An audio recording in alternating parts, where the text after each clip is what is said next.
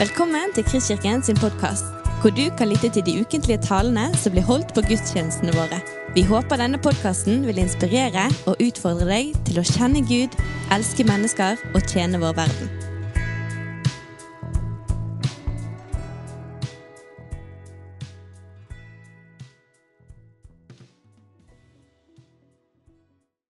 Det er, dette er en dag jeg har gledd meg til. Og det er veldig kjekt å få lov til å stå her og se utover ansikter. Noen som jeg ikke kjenner, eh, og noen som jeg kjenner. Eh, det er alltid en glede å møte Guds folk, uansett hvor hen i verden jeg møter dem. Og det er noe helt fantastisk.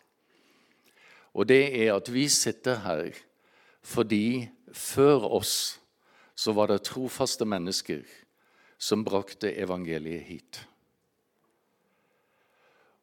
Og hvis du tenker tilbake igjen på de tolv som ble sendt ut til å begynne med, og tenker på hva det er blitt til, så finnes det et hav av trofaste mennesker. Og la oss være klar over det. Alle disse trofaste menneskene var feilbare. De var akkurat som du, akkurat som meg. Alle disse menneskene var mennesker som sleit med de samme redsler, som sleit med de samme tankene, som sleit med sin egen betydning, som sleit med sin plass i fellesskapet. De var folk. Det er det vi er. Men det helt fantastiske er at vår Herre han pekte på deg, og så sa han, 'Henne vil jeg ha. Han vil jeg ha.' Og for de som tok imot det budskapet og bøyde seg for ham, så sender han de videre, og de blir som steiner i hans slynge. Og han sender de av gårde, og de treffer andre mennesker. Og det er noe helt fantastisk som vi har vært litt borti tidligere i dag, Kristoffer Knut Erland. Så vi har vært litt borti tidligere i dag fordi vitnesbyrdet, det skaper liv. Tro er en helt fantastisk ting. Den er mer smittsom enn covid-19. Så smitten av tro, velduften av tro, den er helt fantastisk. Og det vet alle som kjenner den, og alle som har møtt mennesker som bærer troen med seg. Og du kan være en av de. Du kan være et kar for Herren. Du kan være et kar for Hans ånd, slik at hvert eneste menneske som du møter, møter dermed Guds rike, fordi du bærer Guds rike. Det er slik forsamlingen skal fungere. Ikke bare innad, men på ethvert sted der vi er.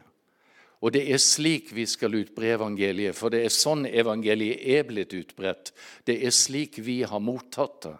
Det var mennesker som bar det med seg også hit.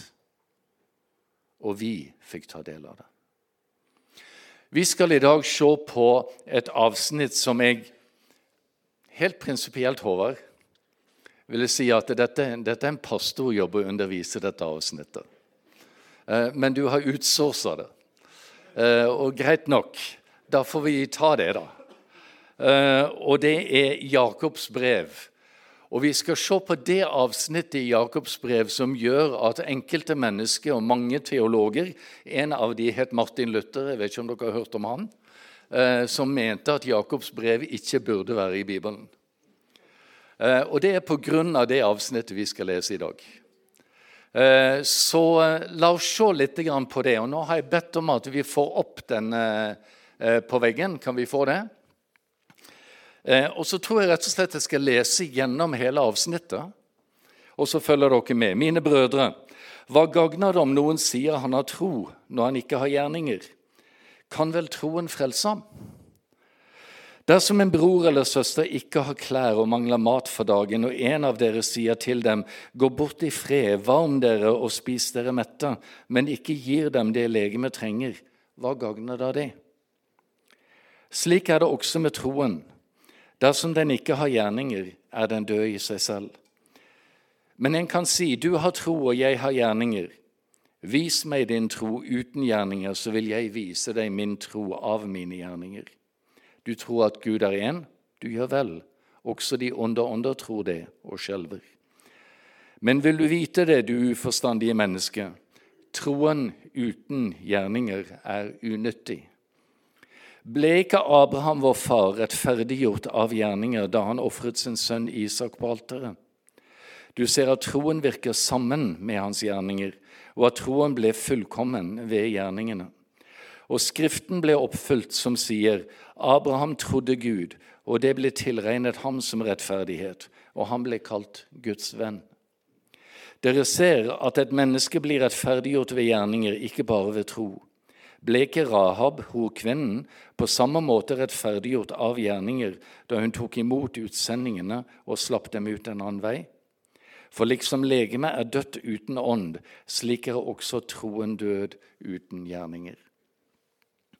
Og det er klart det at det store eh, spørsmålet her, det er hva tro er for noe, og hvordan tro fungerer. Og eh, tro er et ord Hvis vi kan få opp eh, den eh, neste sliden her eh, Tro er ikke absolutt. Hva betyr det? Det er et grammatisk uttrykk. Det er ikke en absolutt sannhet vi snakker om, det er et grammatisk uttrykk. Det betyr at ordet tro kan ikke stå alene. Hvis Det er veldig mange mennesker i vår tid som sier 'jeg har en tro'. Og Når du da begynner å spørre hva det er de tror på, så blir det veldig vagt. Og Dessverre så er det langt også inn i kristne rekker så finnes det mange mennesker som ikke har kunnskap om sin tro. De sier de har en tro, men de vet ikke hva de tror på. Og Det betyr at det blir en stor forskjell mellom det å tro at og det å tro på. Og hva består denne forskjellen i? Jo, å tro at, det betyr at du sitter med kunnskap. Du tror at hvis du planter en løk i jorda i oktober, så blir det tulipaner til våren. Ok? Det tror du. Du tror at det skjer. Det kommer ingen tulipanløker i jorden fordi du tror at det er slik. Du kan finne det i alle mulige slags oppslagsverker, men det ville aldri komme en tulipan i jorda før du tror faktisk at dette er noe du skal gjøre. Og du tar løken og du planter den i bakken. Det er først da det blir, og det er å tro på. Du tror på den iboende kraften i den tulipanløken, at det skal bli tulipaner. Med andre ord troen den må ha et objekt. Hvis ikke troen har et objekt, så blir det ønsker og tanker og filosofi. Men hvis troen har et objekt, så betyr det at det objektet styrer handlingen i det tilfellet, det eh, eksempelet jeg gav, en tulipanløk. Vi tror på mer enn tulipanløker. Vi tror på Kristus. Vi tror på Han som døde for våre synder og oppsto til vår rettferdiggjørelse. Vi tror på Han som lever, Han som lever i dag, som sitter ved Faderens høyre, og som har all makt i himmel og på jord. Det er Han vi tror på. Og så er spørsmålet er det noe du tror at det er slik. Altså med andre ord dogmene. Dogmene er viktige. Dogmene stiller vi oss bak fordi at det er Kirkens uttrykk for sin tro. Men tror du på det, så gjør du folkeslag av alle disipler. Og det er den store forskjellen. Hvis du tror at, så snakker du om det. Hvis du tror på, så handler du. Og Da går vi tilbake igjen. La oss gå til neste, uh, neste slide her. Her er det tre bibelavsnitt som er satt sammen. Det ene er et av de versene vi eh, nettopp las, nemlig dere ser at et menneske blir rettferdiggjort ved gjerninger, ikke bare av tro. Og den er problematisk. Fordi at, Er ikke det slik at du blir frelst ved troen alene? Det var jo det reformatoriske prinsippet, sola fide. Troen alene. Ja. Og det er jo det vi finner i Galat nei, Romerbrevet 328, som står borte på den siden der. Ikke sant? For vi er overbevist om at mennesket blir rettferdiggjort ved tro uten lovgjerninger. Og her er problemet. For begge disse står i min bibel, og jeg tror de står i din òg, for å være ærlig. Og da blir det et problem mellom de to, synes vi. Og så har vi strevd og strevd og strevd og strevd med å få dette på plass. Hva hvis det er slik at troen sin karakter er å handle? Hva hvis troen ikke er å holde for sant, men troen er å handle? Jeg har gjort noen utklipp fra Hebreerne 11, fra troens kapittel. Og der står det i tro bygde Noah en ark.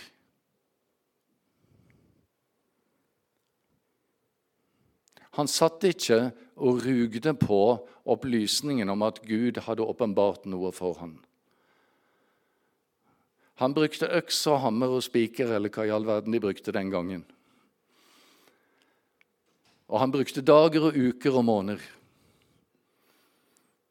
Og troen luktet av tjære. Slik luktet Noah sin tro. Den luktet av tjære. Og Noahs tro skapte muskler og harde hender. Det er slik troen er. Når Herren har talt, hva gjør jeg da? Hvis jeg tror, så bygger jeg en ark, sa Noah. Abraham sa noe annet. Abraham sa, 'Herren har sagt at jeg skal reise, så da reiser jeg', da. Hvor reiser jeg hen? Ja, Det får vi se når Herren har sagt det. Han kunne ha sittet i karene og godtet seg over at Herren talte til ham om at han skulle reise ut i verden. Han kunne ha skrevet bøker om det og skrevet sanger om det. Han tok med seg familien og for. Og endte opp i Hebron, der Gud ville ha han.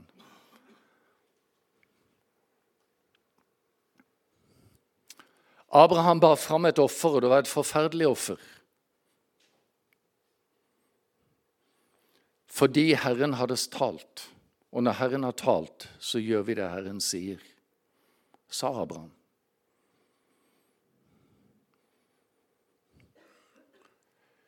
I tro velsignet Isak Jakob og Josef sine sønner. Du kan si Det var kanskje ikke så mye handling der, nei, men det var tro på velsignelsen. Det var tro på at når han velsignet, som hadde myndigheten til å velsigne, så skapte velsignelsen en framtid. Både Isak, Jakob og Josef var klar over at når de velsignet, så gav de noe reelt inn i framtiden. De skapte framtid ved sin velsignelse. For den makten har nemlig Guds folk å velsigne. Så la oss ikke tømme velsignelsen, men la oss ha den breddfull av Guds nåde, slik at vi kan gi den videre til hverandre og skape framtid i hverandre sine liv. Troen velsigner. I tro nekta Moses å kalles sønn av faraos datter. Troen kan føre til at du nekter. Noen ganger må vi nekte. Og jeg tror vi lever i en tid da vi må nekte mer. Jeg vet ikke om det var noen som la oss i media her tidligere i høst at det var noen som nekta å ta imot et bilde. Ja, det blir mye bråk av det. Men noen ganger så gjør troen at du må nekte. Og da nekter vi. Det er ingen som kan være så full av hæler som kristne som tror. Hellige hæler som står imot det trykket som samfunnet gir. I tro dro også Moses ut fra Egypt. Dette var første gangen, ikke når han hadde med seg alt folket. Men han dro fordi han trodde på Herren.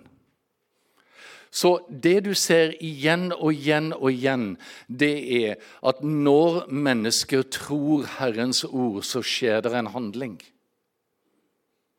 Og det vet vi at det gjør, for vi sitter her som et resultat av tidligere menneskers handlinger. Når Gud taler, så går disiplene. Og Noen ganger så er det kamp, som dere ser nesten nederst. De tro seiret de over kongeriker. Håndhevet rettferdighet, fikk løfter oppfylt og en hel del andre ting. Seier, seier, seier, seier. Og, og vi liker seier. Vi er veldig glad i seier. Andre måtte tåle hån og hudstrykninger, lenker og fengsel og ble ikke utløst. Lidelsen er en del av troens liv. Og vi har ikke noe løfte på at det skal gå over. Men den som tror, følger Herren. Hans vei gikk til korset. Så hva er det jeg prøver å si om dette kapittelet fra, fra, Jakob? Det jeg prøver å si, er at jeg tror ikke det finnes en motsetning mellom den paulinske litteraturen og Jakob. Jeg tror ikke det er en motsetning. Det jeg tror, er at vi har feil definisjon av troen når vi ser en motsetning. For jeg mener at troens definisjon er det som ligger i å lytte og handle. Det er en interessant sak på gresk, og det er at ordet for å lye, altså å adlyde, heter hypakoa. Og roten av det ordet er akoa som betyr å lytte. Å lytte og være lydig er har samme rot. Og den som lytter til Herren og tror, vil også være lydig. Troen handler. En tro som sitter i ro, og som koser seg med dogmene, er en umoden tro som trenger å lære å handle.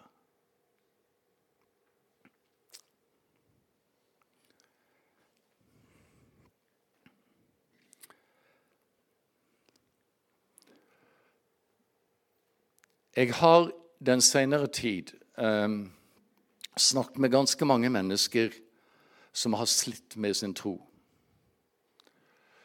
Eh, og vi lever i en tid da dette med tvil blir løfta fram som noe positivt.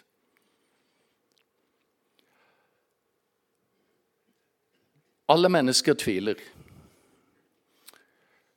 For det første så vil jeg si at det er faktisk ikke sant. Det er nok sant at det er en erfaring som mange har, men alle er et for stort begrep. Og Da blir spørsmålet mitt hva er tvil for noe? Og Mitt svar på det, og så får du prøve det, det er at tvil er en mangelsykdom. Tvil omtales aldri positivt i Bibelen. Tvil er noe som skal jobbes med. Og Hvis det er slik at du mangler enkelte vitaminer eller sporstoff i kroppen, La oss si at du har en jernmangel. Så tilfører du jern. Du sier ikke at dette er en normaltilstand og alle har det slik, selv om det er mange som har det slik. Poenget mitt er at tvil er en mangelsykdom. Tvil er en sykdom som består av at du mangler et par-tre ting. Og det er, er, spesielt to ting du mangler hvis du sliter med det. Det ene er å lytte til Guds ord, lese Guds ord og mate deg med Guds ord. Det er det ene. Det andre er å tilbe. Tilbe Herren. Når tvilen kommer, tilbe Herren. Hvorfor det? Jo, for da flytter du oppmerksomheten vekk ifra dine egne tanker og ditt eget strev og de vanskelige tingene. Du flytter oppmerksomheten derifra over til Han. Det er det ene som skjer. Og det at du flytter oppmerksomheten, det er faktisk helt nødvendig. Det er det ene. Det andre er at du begynner å mate deg med sannheten om Gud. For det er det tilbedelsen gjør. Tilbedelsen bekjenner hvem han er. Tilbedelsen bekjenner hva han har gjort. Og dermed så forkynner du også for deg sjøl når du tilber. Og dette er Bibelens medisin mot tvil. Og Hvorfor kommer jeg inn på det? Jo, for jeg tror at kanskje noe av det viktigste jeg kan si til denne forsamlingen i dag, det er Du er blitt gitt frelsen.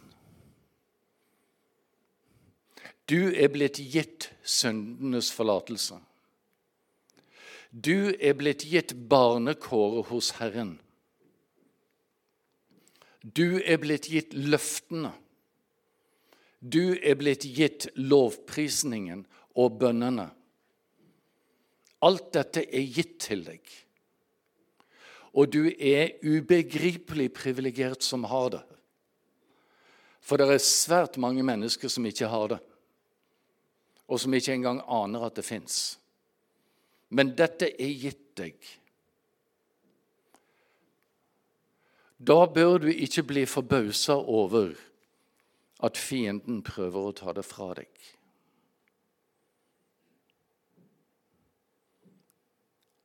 Og det som skjer i en del tilfeller, og som bekymrer meg, og sikkert bekymrer mange, mange andre, det er når folk begynner å slite med sin tro, hvorfor kjemper de ikke imot?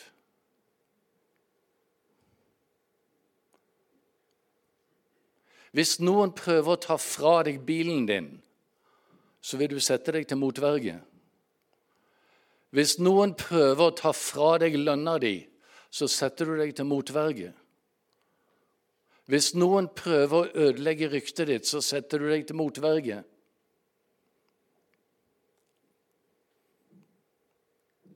Hva er din relasjon til Herren verdt? Setter du deg til motverge? Slåss du?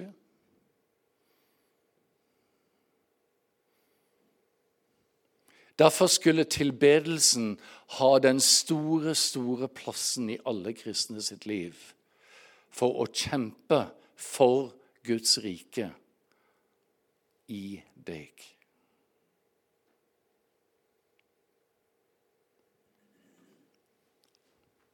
Jeg trodde han skulle snakke om gjerninger. Jeg, jeg har nettopp snakka om en av de viktigste gjerningene. Ta vare på deg sjøl. Ta vare på din tro og din relasjon til Herren. Det er faktisk en gjerning. Nå, La oss se på hva Jakob sier. Fordi veldig mange oppfatter dette avsnittet som å være et avsnitt som handler om eh, sosial bevissthet og det å vise barmhjertighet og godhet mot mennesker. Fordi det står Dersom noen, dersom en bror eller søster ikke har klær og mangler mat for dagen, og en av dere sier til dem, gå bort i fred, varm dere og spis dere mette, men ikke gir de det legemet trenger, hva gagner da det? Og Dermed så oppfatter vi at det er det det handler om. Og det er helt klart det er to ting her å legge merke til. For det første så står det en bror eller en søster, så det er snakk om kjærligheten til brødrene. Det er snakk om innad i menigheten.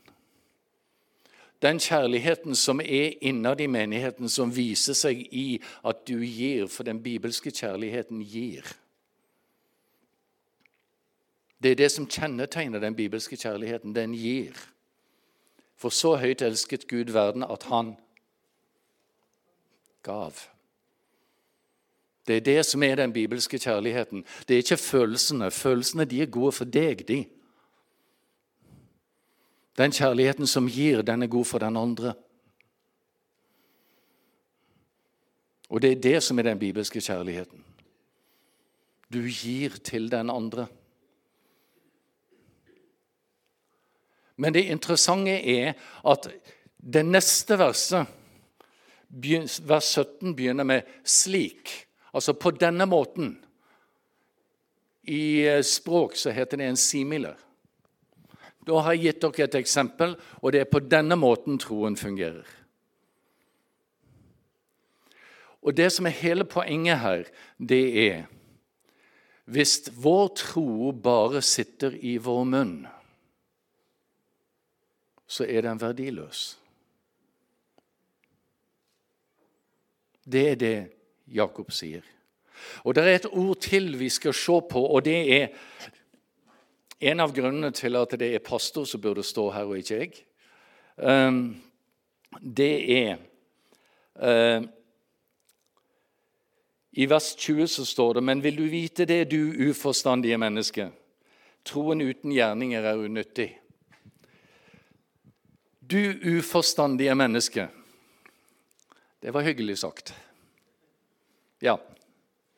Og det skal jeg da som en gjest stå her og si til dere. Ok. Uforstandig er et ord som alle andre steder i Nye testamentet er oversatt med enten tom eller nyttesløs. Det heter kenos. Du tomme menneske.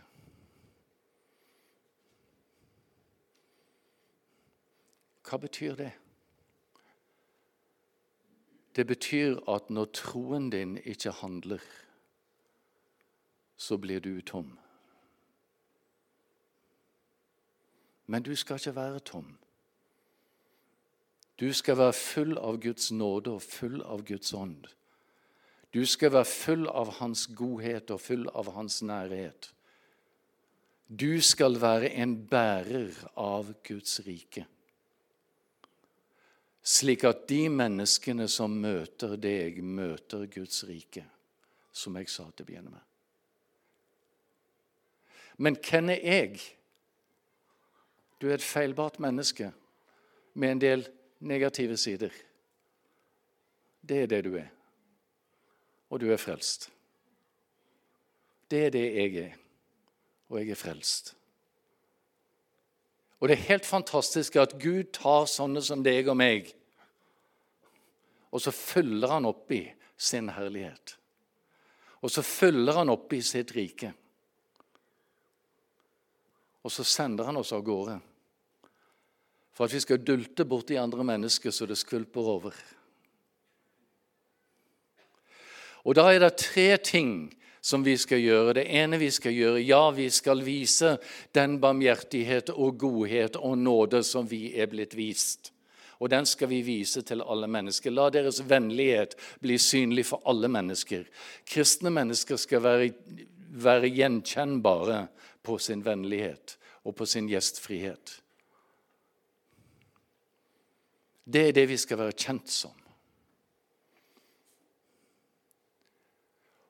Og så skal vi elske brødrene.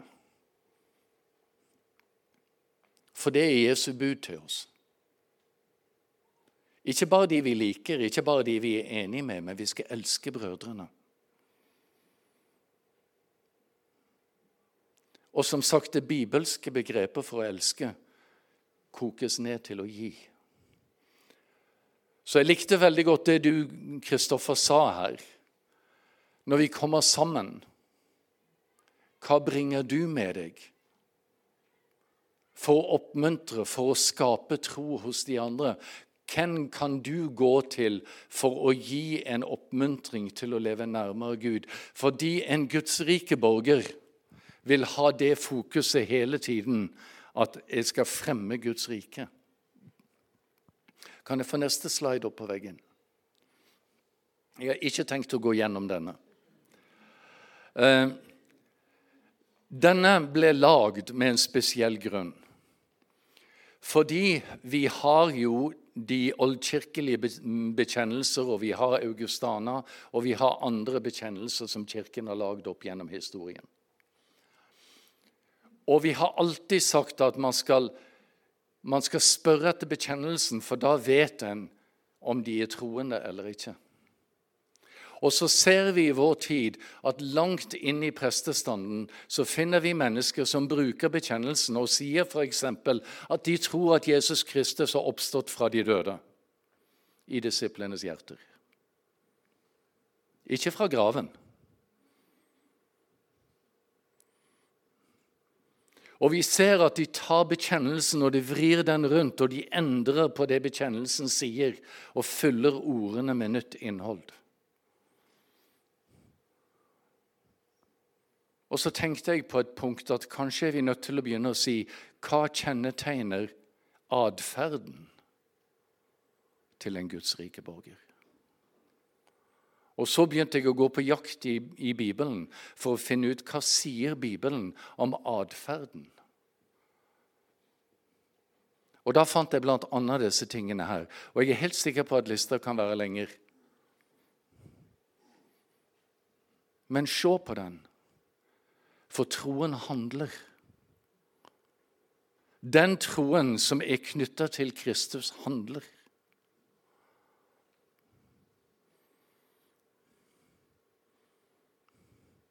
Og det er det du er kalt til. Du er kalt til å være en av de som handler.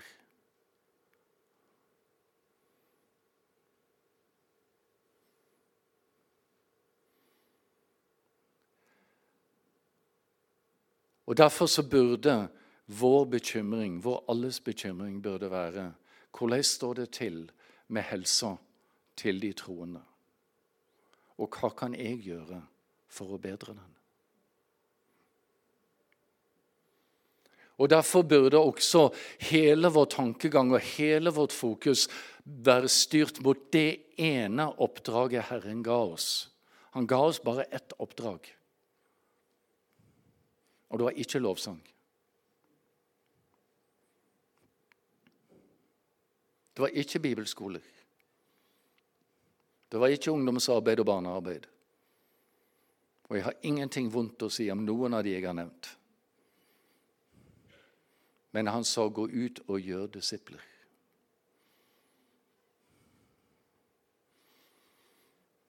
Gå ut og gjør disipler. Har du en eller flere disipler?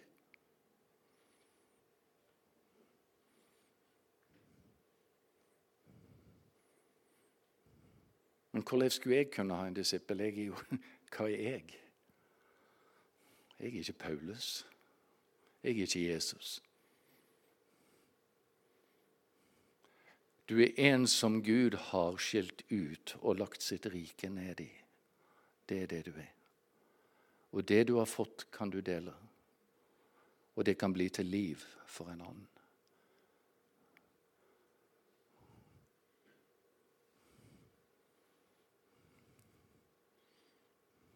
Troen viser seg i gjerning.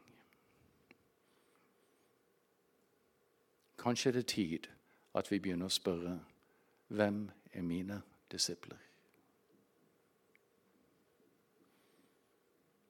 Guds velsignelse over dere alle.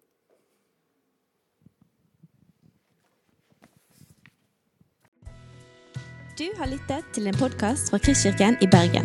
Vi håper du har blitt inspirert og utfordret i din vandring med Gud. Vil du vite mer om oss, så klikk deg inn på kristkirken.no.